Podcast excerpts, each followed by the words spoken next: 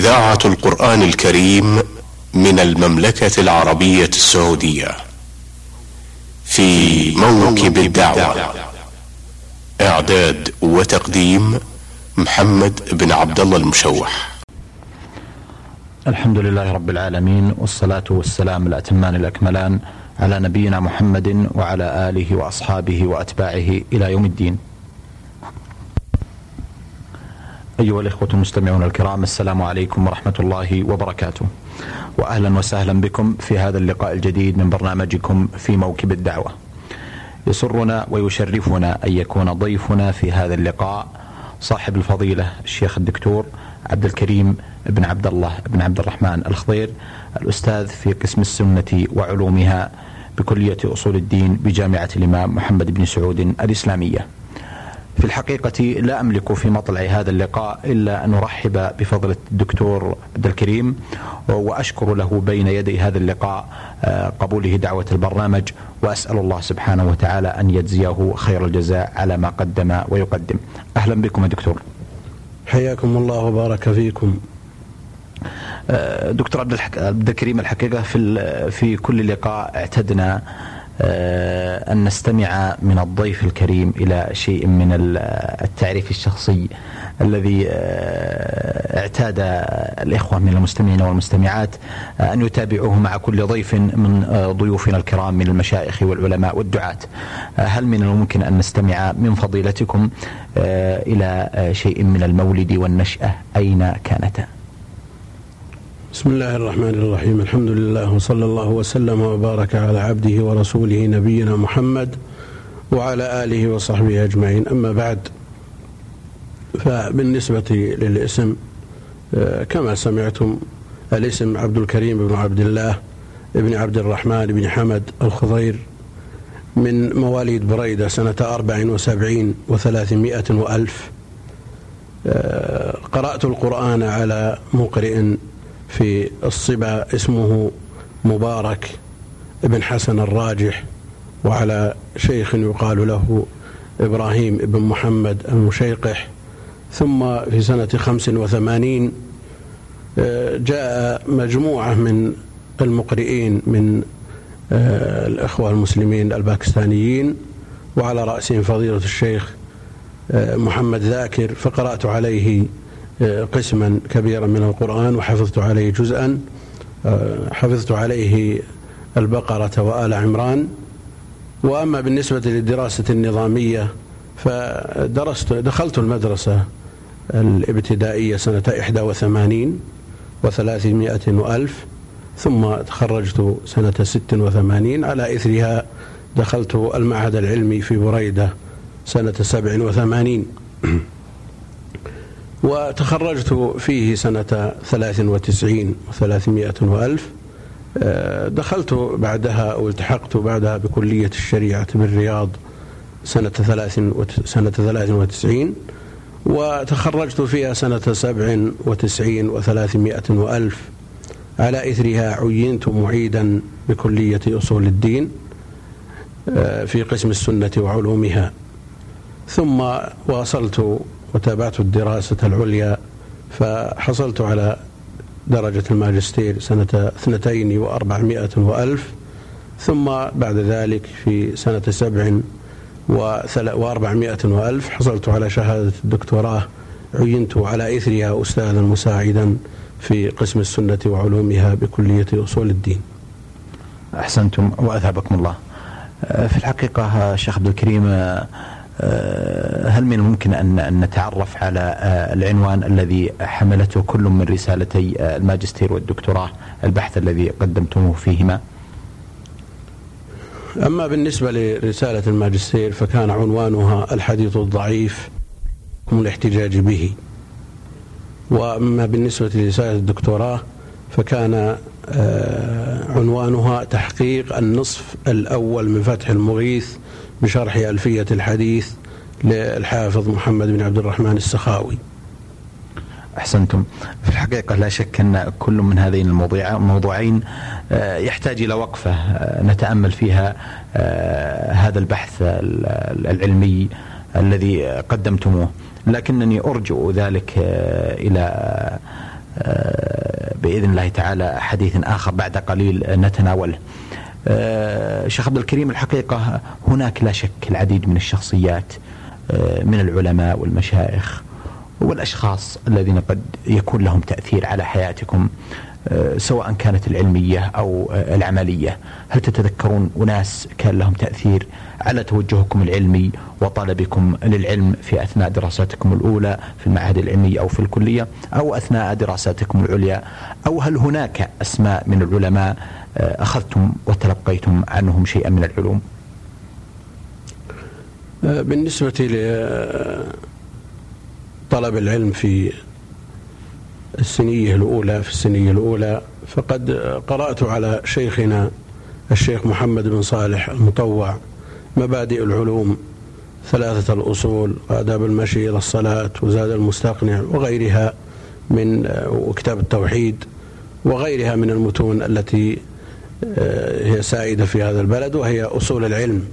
ثم قرأت ولازمت شيخنا الشيخ صالح بن أحمد الخريصي رئيس محاكم القصيم في وقته رحمة الله عليهما.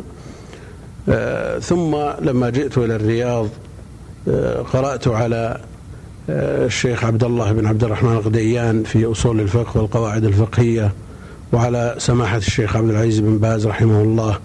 في الفرائض وفي تفسير ابن كثير وفي سنن الترمذي وغيرها من الكتب قرأت عليه في المسجد وفي بيته.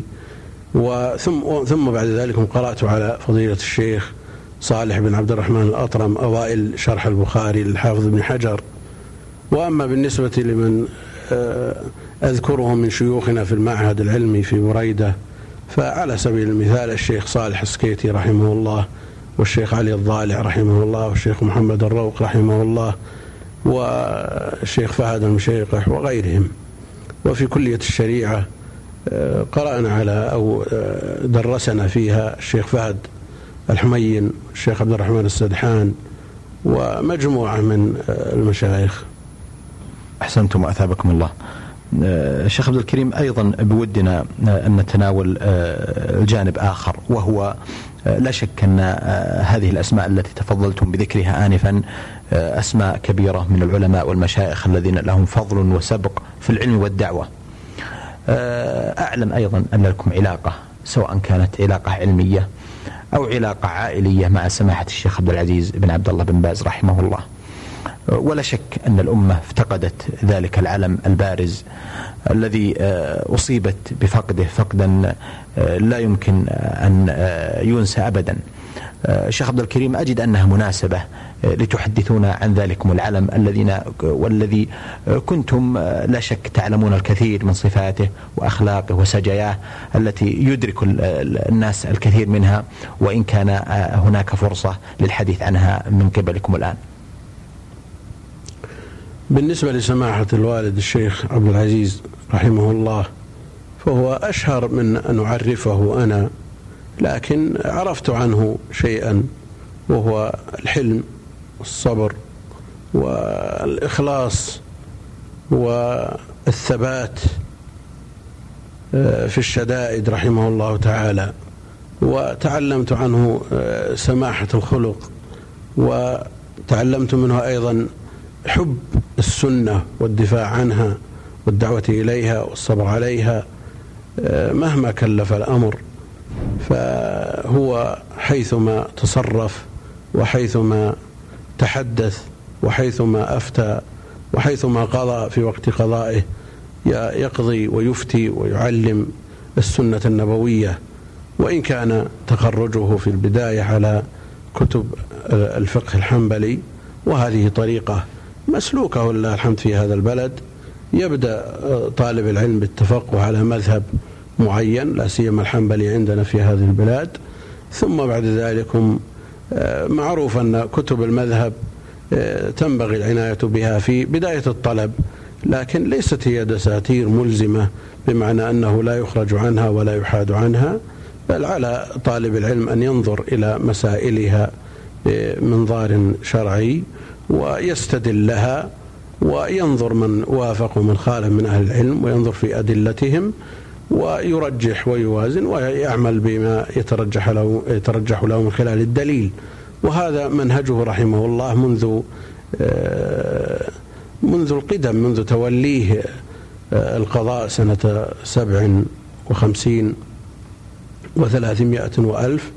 وأذكر أنه في سنة آه، خمس وتسعين وثلاثمائة وألف قال لي لو قرأت علينا في الربع الأخير من جامع الترمذي لأن والد هذا الرجل قرأ علي ثلاثة أرباعه سنة ستين وثلاثمائة وألف يعني قبل ستين سنة. رحمه الله تعالى رحمة واسعة عنايته بالسنة قديمة قديمة جدا. آه، وهو متميز في هذا الباب حقيقة. وإن كان جميع شيوخنا وعلمائنا آه، اتباعهم للسنة واقتفاؤهم الأثر. أمر واضح والله الحمد ومشهور لكن منهم المقل ومنهم المستكثر. نعم. فسماحة الشيخ رحمه الله تعالى ما في أحد ما يعرف سيرته وحياته من خلال معاشرته من خلال معاملته من خلال دروسه من خلال محاضراته من خلال ما كتب عنه بعد وفاته رحمه الله تعالى. أحسنتم وأثابكم الله. آه، الشيخ عبد الكريم الحقيقة أعلم أيضا ويعلم الكثير من المستمعين آه، أن لكم ولله الحمد نشاط علمي سواء كان ذلك في الجامعة أثناء دروسكم العلمية التي تؤدونها وتلقونها أو من خلال النشاط آه، الآخر الخارج عن الجامعة وهو الدروس التي التي تقيمونها في بعض المساجد. شيخ عبد الكريم أجد أنها فرصة نستمع إلى بعض هذه الدروس التي تلقونها بكتبها وعلومها. بالنسبة للدروس في الجامعة فدرسنا الحديث حديث الأحكام في شرح بلوغ المرام للصنعاني سبل السلام ودرسنا مصطلح الحديث ودرسنا التخريج ودراسة الأسانيد درسنا الحديث التحليلي في الدراسات العليا ومناهج المحدثين فيها وهكذا في إطار التخصص. أما بالنسبة لدروس المسجد فقد درسنا العلوم آه، كلها الشرعية وما يخدمها في آه، التفسير وعلومه وفي الحديث وقواعده وعلومه ومصطلحه وفي الفقه وأصوله وما يخدم ذلك من آه، علوم الآلة. كعلوم العربية وغيرها. آه، في الجدول الأخير الذي الآن هو منفذ آه، ندرس الصحيحين في مغرب السبت والروض المربع والبلبل في وصول الفقه مغرب الاثنين وسبل السلام وألفية العراق العراقي مغرب الأربعاء وبعد صلاة العشاء من يوم الأربعاء دروس متنوعة في شرح العمدة للشيخ فيصل بن مبارك رحمه الله وفي إرشاد الساري للقسطلاني وفي آه، مصطلح الحديث الباعث الحثيث والبيقونية وغيرهما وغير ذلك من الكتب المتنوعة. وعصر الجمعة آه، في التفسير تفسير الجلالين وقبل ذلك تفسير القرطبي آه، كنا ندرسه على مدى سبع سنوات مضت وأنجزنا ما يقرب من نصفه الآن ثم عدلنا عنه إلى تفسير الجلالين لكونه أخصر بطلب من الأخوة الطلاب الذين آه، طال بهم الأمر فقالوا إن تفسير القرطبي لن ينتهي وإن جعل له وقت آخر لكن الوقت الرئيسي هذا عصر الجمعة يكون لتفسير بالإمكان إتمامه وإنجازه. في العشاء يوم الجمعة آه، ندرس ولا الحمد صحيح مسلم والاختيارات الفقهية صحيح البخاري أيضا وغيرها من الكتب. أحسنتم. آه، شيخ عبد الكريم الحقيقة هناك آه، البعض من الناس يتناولون قضية السنة من جوانب متعددة. أحب أن نتناول معكم بعض هذه الجوانب آه، بحكم تخصصكم وعنايتكم وعنايتكم بهذه آه، المهمة آه، الشريفة وهي السنة النبوية وحفظها. شيخ عبد الكريم العناية بالحفظ هل ترون أنه مهم بالنسبة للوقت الحاضر قياسا إلى التطور الذي طرأ وحصل بالنسبة لوسائل الاتصال بالنسبة لوسائل حفظ المعلومات عبر أجهزة المعلومات الكمبيوتر والإنترنت وغيرها من الوسائل العلمية المتقدمة الآن. البعض يقول إن الحفظ في هذا الوقت أصبح آه، ليس له موقع. ما تعليقكم شيخ عبد الكريم؟ لا علم إلا بالحفظ لا سيما علوم الكتاب والسنة لأنها غير قابلة للاجتهاد. القرآن على وجه الخصوص لا يمكن أن يدرك بالرأي أو يروى بالمعنى لا بد من حفظه بحروفه. وأما بالنسبة للسنة وإن أجاز جمهور العلماء الرواية بالمعنى إلا أن حضور المعنى يكون في أحوج ما يكون إليه الإنسان فلا بد من الحفظ. لا بد من الحفظ بالنسبة لعلوم الكتاب والسنة وأيضا مبادئ العلوم والمتون الصغيرة لا بد من حفظها التي تعين على فهم الكتاب والسنة. بالنسبة للشروح أيضا لا بد من مطالعتها والنظر فيها وإدامة النظر فيها وإن كانت تأخذ وقت طويل إلا أنها تولد لدى طالب العلم ملكة يستطيع أن يتعامل بها مع النصوص الشرعية.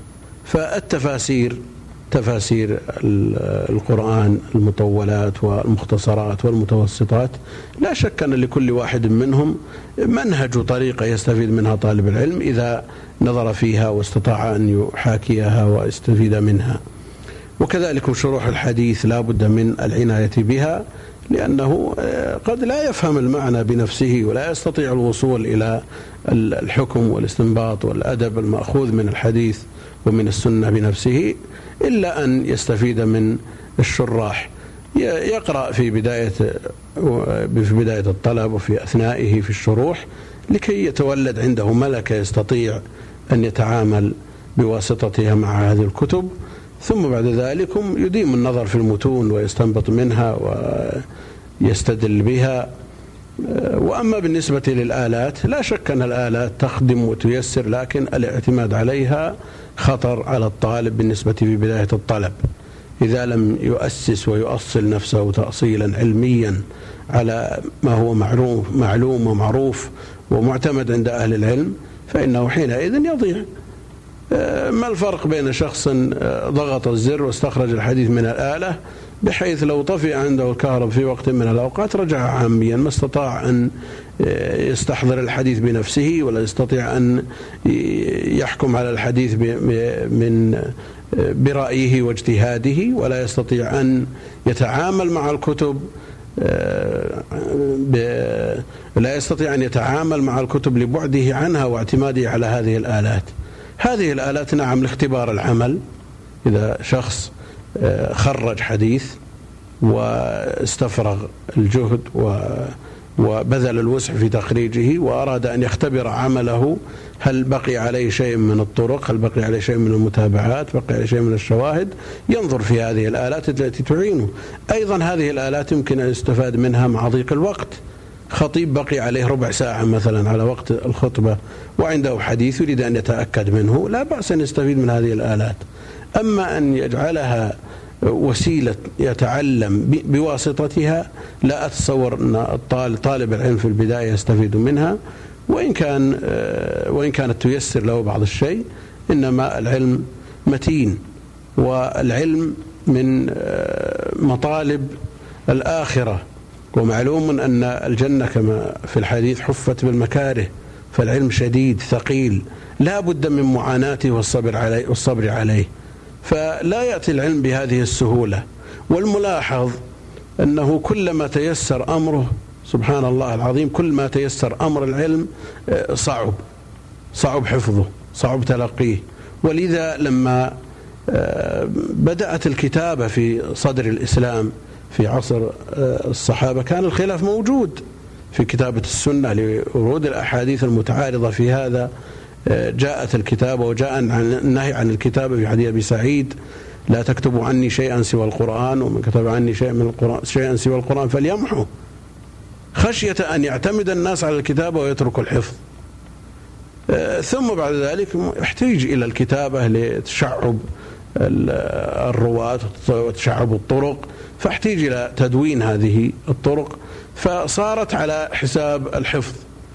ثم ارتفع الخلاف السابق في في مسألة الكتابة فأجمعوا على جواز الكتابة واستعمالها.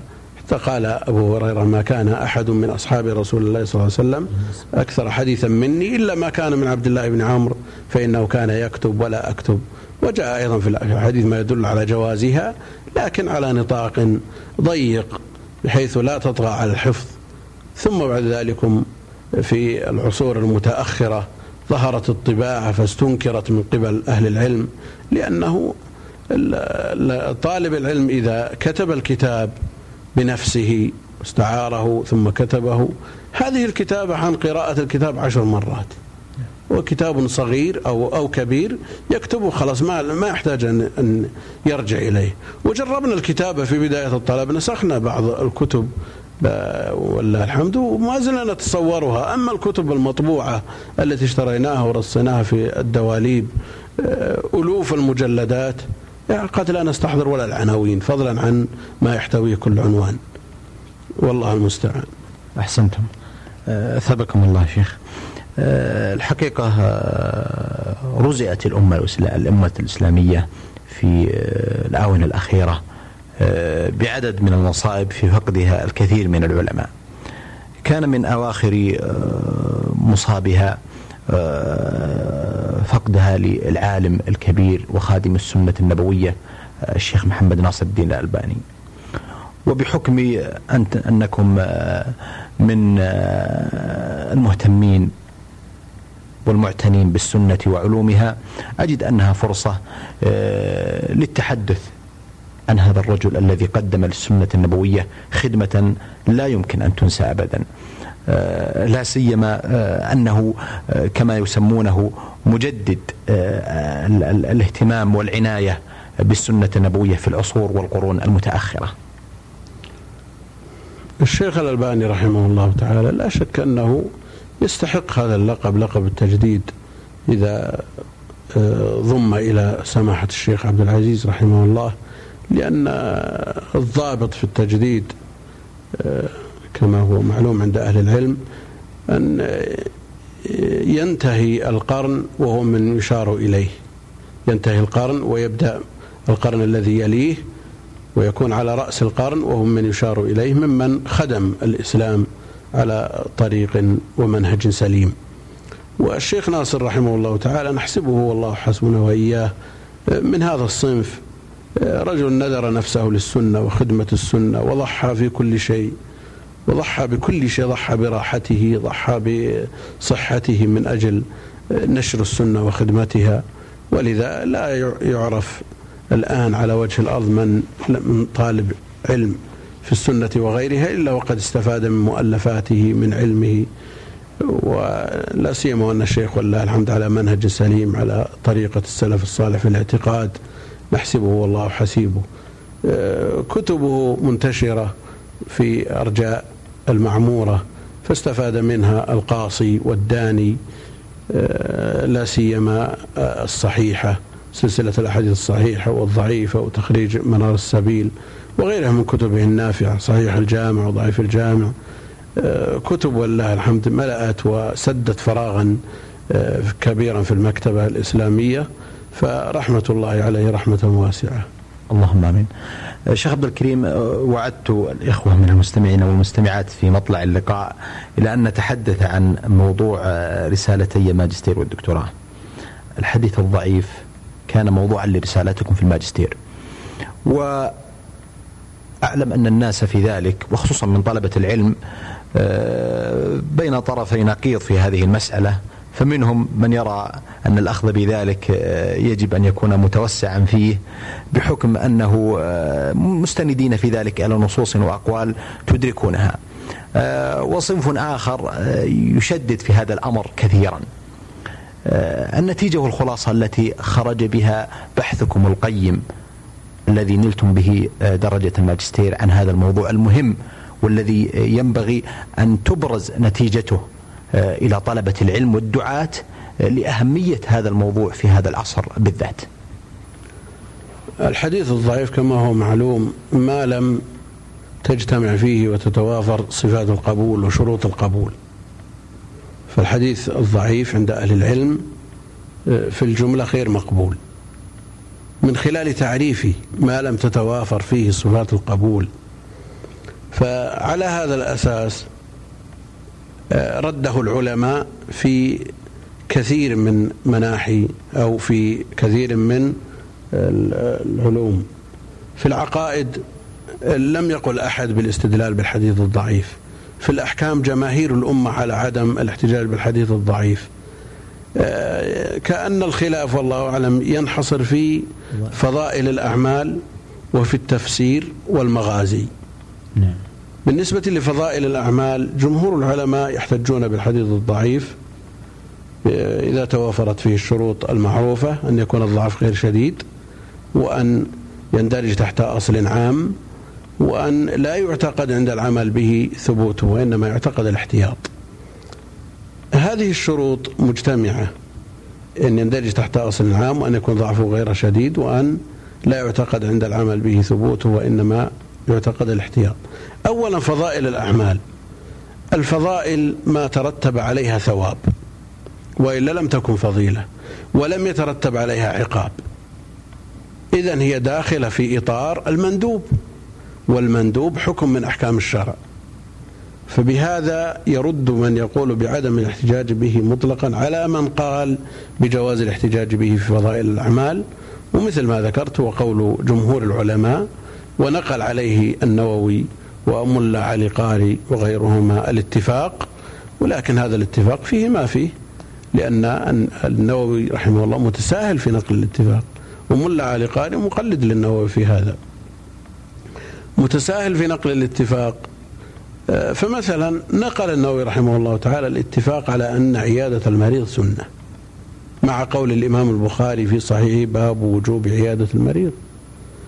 آه، أيضا نقل الاتفاق على أن صلاة الكسوف سنة مع قول أبي عوانة في صحيحه باب وجوب صلاة الكسوف. على كل المسائل كثيرة جدا في تسا... التي تبين وتوضح تساهل النووي في نقل الاتفاق. آه، وأيضا مما يرد هذا النقل آه، وجود الخلاف. أبو حاتم وأبو زرعة من كبار أئمة الحديث يردون الحديث الضعيف مطلقا ولا يستدلون إلا بما صح من السنة. هو أيضا مستنبط من منهج الشيخين البخاري ومسلم. يقول يرده آه، جملة وتفصيلا القاضي أبو بكر بن العربي. الشوكاني الألباني رحمه الله تعالى مجموعة من أهل العلم يردون الحديث الضعيف مطلقا. آه، التفسير أيضا. لا يجوز أن آه، نفسر كتاب الله بما لم يثبت عن نبيه عليه الصلاة والسلام لأننا إذا فسرنا نقول للناس أن هذا مراد الله سبحانه وتعالى من الآية أو من قوله كذا. وقد ورد الوعيد الشديد على من قال في القرآن برأيه. فكيف بمن نسب هذا الرأي إلى النبي عليه الصلاة والسلام؟ المغازي والسير يتسامحون في نقلها وفي تداولها وفي الاستدلال بالضعيف فيها وعلى كل يمكن إرجاعها إلى ما تقدم. فأخبار المغازي والسير التي تشتمل على حكم من الأحكام الشرعية ككيفية تقسيم المغانم وما أشبه ذلك وما يتعلق به حكم شرعي يحتاط له ويشترط له ما يشترط للأحكام. وما عدا ذلك من مجرد الإخبار كعدد من رجع من عبد مع عبد الله بن أبي وما أحد وما أشبه ذلك. مثل هذا لو نقل بأسانيد لا تكون صحيحة أو حسنة. لو نزلت درجته عن ذلك لأنه مجرد أخبار. آه، أيضا ما يتلقى عن آه، بني إسرائيل وأخبار الأمم الماضية. وأخبار القرون الخالية يمكن أن يتداول ويتلقى بأسانيد ليست بصحيحة ولا حسنة.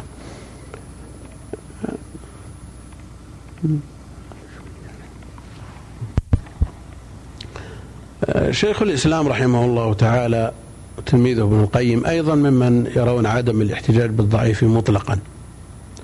وشيخ الإسلام رحمه الله تعالى يحمل ما جاء عن الإمام أحمد من قوله وتساهله بالفضائل أحاديث الفضائل أن الضعيف الذي يرمي إليه الإمام أحمد رحمه الله تعالى ليس المراد به الضعيف على اصطلاح المتأخرين الذي لم تتوافر فيه صفات القبول ولا شروط القبول وإنما الضعيف في عرفه واصطلاحه يمكن أن يحمل على الحسن الذي ضعف عن أن يرتقي درجة الصحيح.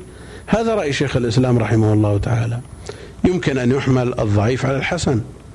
وعندي أن في ذلك نظرا لأن إذا حملنا كلام الإمام أحمد على الحسن وقلنا إن الإمام أحمد لا يحتج به في الأحكام وإنما يحتج به بالفضائل خالفنا منهج الإمام أحمد والمعروف عند الحنابلة من الاحتجاج بالحديث الحسن كغيرهم من من آه، أئمة الإسلام. يحتجون بالحديث الحسن لأن الغالب على الظن آه، ثبوته بخلاف الحديث الضعيف الذي يغلب على الظن عدم ثبوته. فيترتب عليه على هذا الفهم أن الإمام أحمد رحمه الله تعالى لا يحتج بالحسن في الأحكام. الأمر الثاني أن أن الحسن معروف عند الإمام أحمد وعند شيوخ الإمام أحمد ومن بعد الإمام أحمد كالترمذي وغيره. فلو أراد الإمام أحمد الحديث الحسن لا قال لا أبان عن مراده ولم يعدل عن الحسن إلى الضعيف. نعم الترمذي أكثر من شهره ووضحه وميزه في كتابه لكن على كون هو معروف في تعبير الشافعي ومن دونه تعبير علي بن المديني حتى الإمام أحمد وجد عنده إطلاق الحديث الحسن. فلا يمكن حمل الحديث الضعيف عند الإمام أحمد على الحسن على ما قاله شيخ الإسلام ابن تيمية رحمه, رحمه الله لما يترتب عليه ما ذكرنا من أن الحسن لا يعمل به الإمام أحمد في الأحكام وإنما يعمل به بالفضائل فقط. نعم. أحسنتم. أثابكم الله شيخ. في الحقيقة بودنا ان ان نواصل الحديث معكم في العديد من الجوانب المهمة المتعلقة ب آه، لا يسعفنا بالمزيد من ذلك.